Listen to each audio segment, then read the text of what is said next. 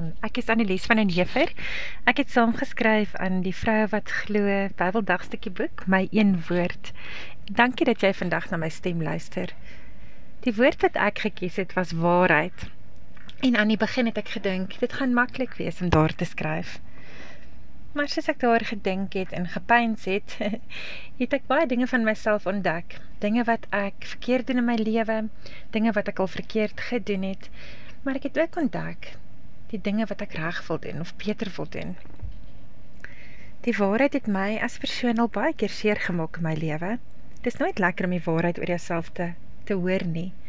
Maar, dit dwing jou om bykie in die speel te kyk, introspeksie te doen, en net te kyk wat jy kan verbeter, wat jy anders kan doen. Ja, en jouself bykie te sien vir wie jy is.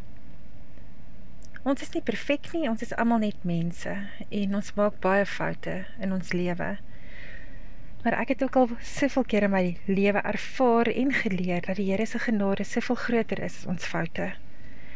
En dat hy werkelijk ons kan help om een pad van geneesing te stap in die dele van ons lewe waar ons dit nodig het.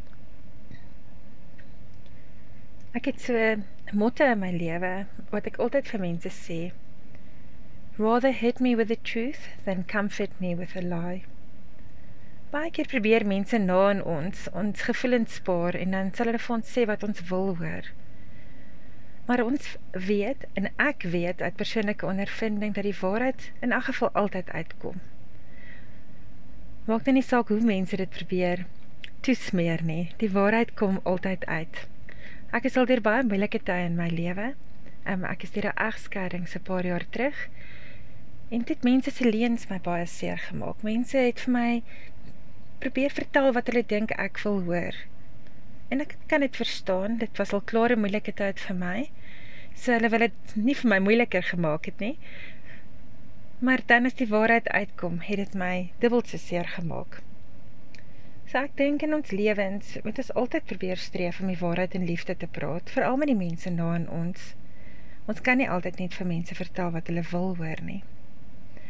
In vandagse tye word al vreeslik baie leens in die media vertel en ek het 'n tiener meisie wat amper 17 is en ek kan ook sê dat daardie leens, daardie valse beelde wat voorgehou word in die media haar as kind al baie seer gemaak het en haar as kind al baie gekonfronteer het met haar tekortkominge.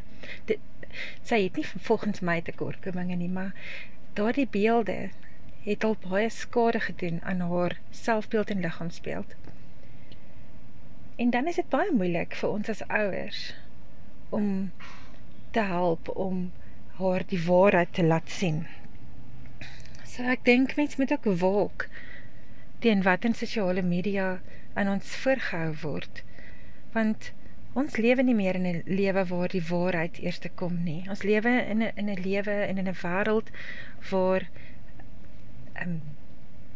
geld en status en sukses ooralst in ons gezichte gegooi word.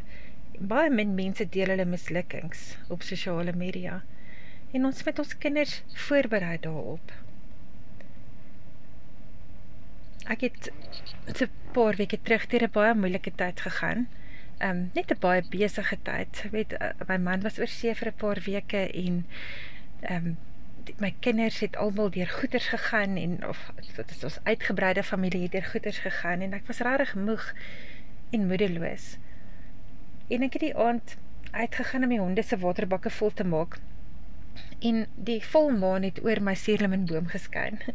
En dit was asof ek vir die eerste keer in weke iets moois raak gesien het om my.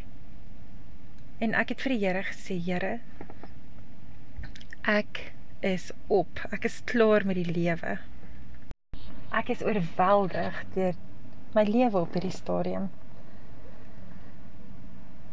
En weet jy, as mens oorweldig voel, dan begin mens te twyfel in jouself. Mens begin vir jouself dinge vertel wat nie noodwendig die waarheid is nie.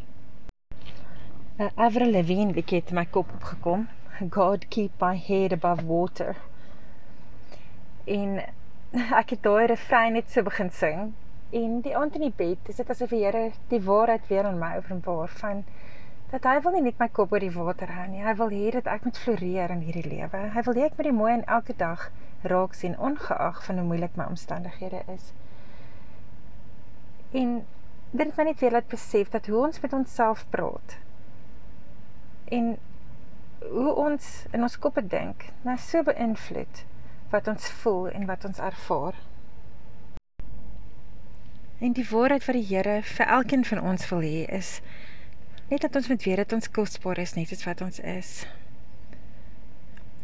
Ek dink net soos wat ek gepraat het, het ek net weer ontdek hoekom ek die woordjie waarheid gekies het, want die waarheid is iets wat werklik belangrik is vir my. Ek sukkel soms om die waarheid te praat en ek sukkel soms om in die waarheid te leef. Maar ek probeer my bes. Ek probeer my bes om God se waarheid elke dag in my lewe raak te sien. En ek weet ook dat al is ons nie volmaak nie, dat die Here ons aanvaar en liefhet net soos wat ons is.